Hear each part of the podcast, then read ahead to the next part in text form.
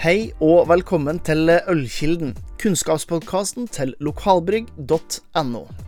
I dag skal vi snakke om en ølstil som har vært med på å forme ølverden, og ikke minst en av de mest historiske og største bryggerinasjonene i verden, nemlig England. Og ølstilen vi skal snakke om, er nesten selvfølgelig porter. her var en, en ølstil som egentlig startet ut eh, med et helt annet navn, nemlig brown beer, eller også brown ale.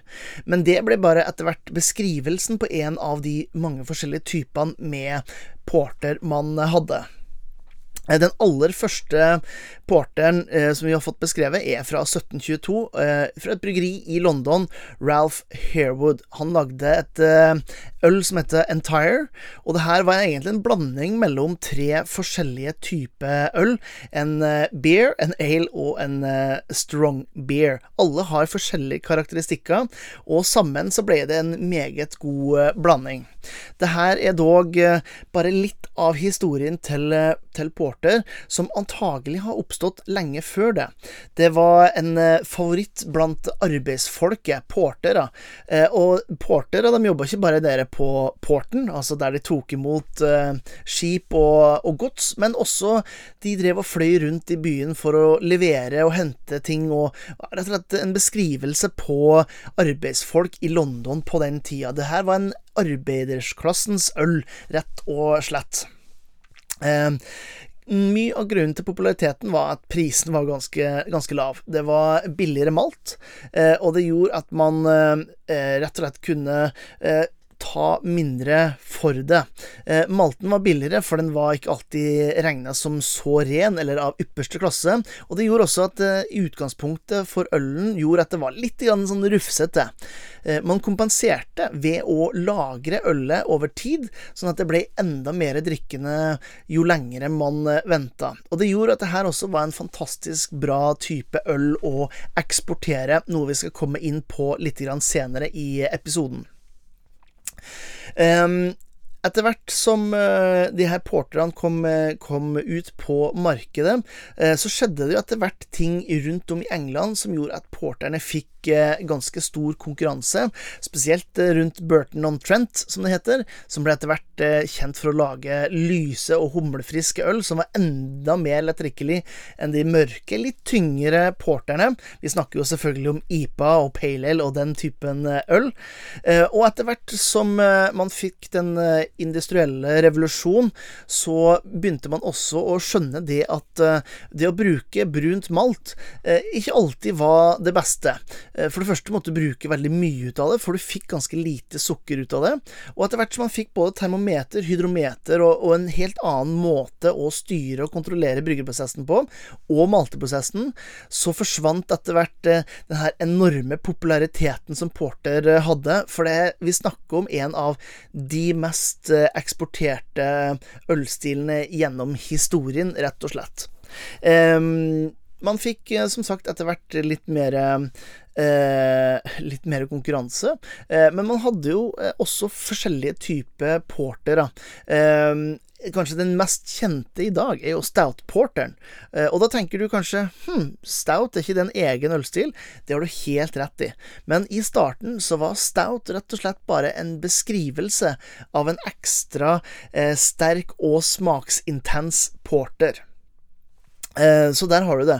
Etter hvert så gikk de her to begrepene uh, hver til sitt. Stout er det det er i dag, det får du høre på en annen episode av Ølkilden, og porter er jo det vi dykker ned i dag. Um, det her uh, ølstilen tok de med seg rundt om i verden, fordi engelskmenn de var jo glad i å reise uh, lenge før uh, Tree Lions og fotball var en greie, og de var jo ganske flinke til å slå seg ned på plasser rundt om i verden. Det gjorde at de òg tok med seg sine egne øl, i dette tilfellet her, da, porter, som tålte shippinga, som tålte å reise langt pga. at den var litt, som sagt, litt røff i kantene fra bryggeriet. Det gjør at det har vært inspirasjon eh, for bryggere i Irland, i Russland, i de baltiske stater, i USA, eh, og man har fått rett og slett veldig mange forskjellige versjoner og utviklinger av det som i utgangspunktet var en overgjæra, mørk øl fra England som nok var litt rufsete i kantene, men som var ekstremt populær, populær fordi at den var ja, rett og slett litt billig å, å drikke. Eh, noen av de her avartene fra den britiske eh, stilen er for eksempel eh, ja, baltisk porter.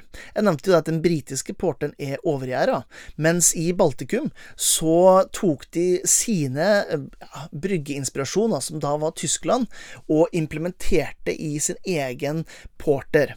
Så en baltisk porter er ikke overgjæra, den er rett og slett undergjæra. Samme typen eh, gjærprosess som man har når man f.eks. lager pils eller bayer eller bukkøl.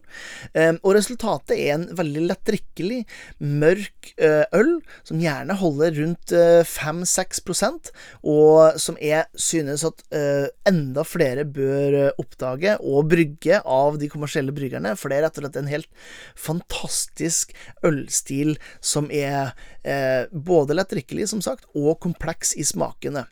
Eh, et annet eh, eksempel er jo den amerikanske porteren. Her også hadde de jo funnet inspirasjon fra England når det kommer båtene over til uh, statene. Uh, og som alltid når, uh, når amerikanerne får kloa i ting fra andre steder, så ender de opp med å gjøre det bigger and bolder og mere. Så en amerikansk porter har rett og slett mere ingredienser i seg, og selvfølgelig andre ingredienser enn man finner i England. Når jeg sier andre, så er det fortsatt korn, det er fortsatt byggmalt som er hovedgreia i den, men det er litt mer, så man får litt høyere alkoholprosent, og så er det mer humle humle i den, så man får en klarere bitterhet. Ehm, det gir en veldig spennende blanding mellom maltfylde og maltsødme og friskhet og bitterhet fra humla. Så tenker jeg kan ta og oppsummere porter litt for det. De tre eh, hovedkategoriene, sånn som i hvert fall jeg ser det fra mitt eh, ståsted. Eh, da har du jo den klassiske eh, engelske porteren.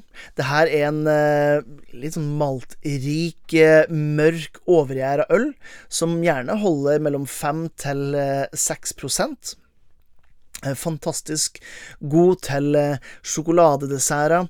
Hvis du har eh, kjøtt som du har stekt over veldig lang tid i f.eks. en barbecue, en smoker eller lignende, så er det her fantastisk gode ting til. Eller hvis det er en kald, kald vinterdag, så er òg en porter eh, fra England, en engelsk porter, å kunne foretrekke.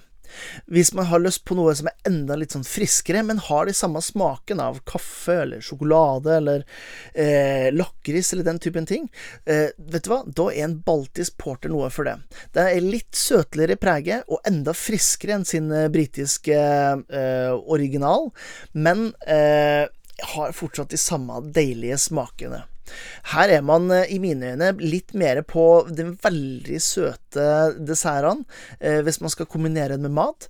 Eller òg hvis du har eh, ja, rett og slett langtidskokt storfe. Hvis du har vilt, sånn som reinsdyrsfilet, som har litt sødme i seg, så synes jeg en baltisk porter nesten alltid er innertier. Eh, vil du dog ha det bigger and bolder, så er rett og slett den amerikanske porteren eh, stedet for det å gå. Mere malt, som gjør at du får enda mer av det her deilige sjokoladesødmen, men også mer humle, sånn at du får enda mer sitrus. Eh, kreolske kjøkken tenker jeg passer veldig godt til, som jo har mye krydder på seg. Eh, men eh, jeg tenker også her sånn kan man ta og leke seg litt med ost, faktisk, hvis du får tak i en litt smaksrik krema blåmuggost, så tror jeg faktisk at dette kunne vært en spennende kombinasjon som vil utfordre smaksløkene, men som vil passe meget godt eh, sammen allikevel.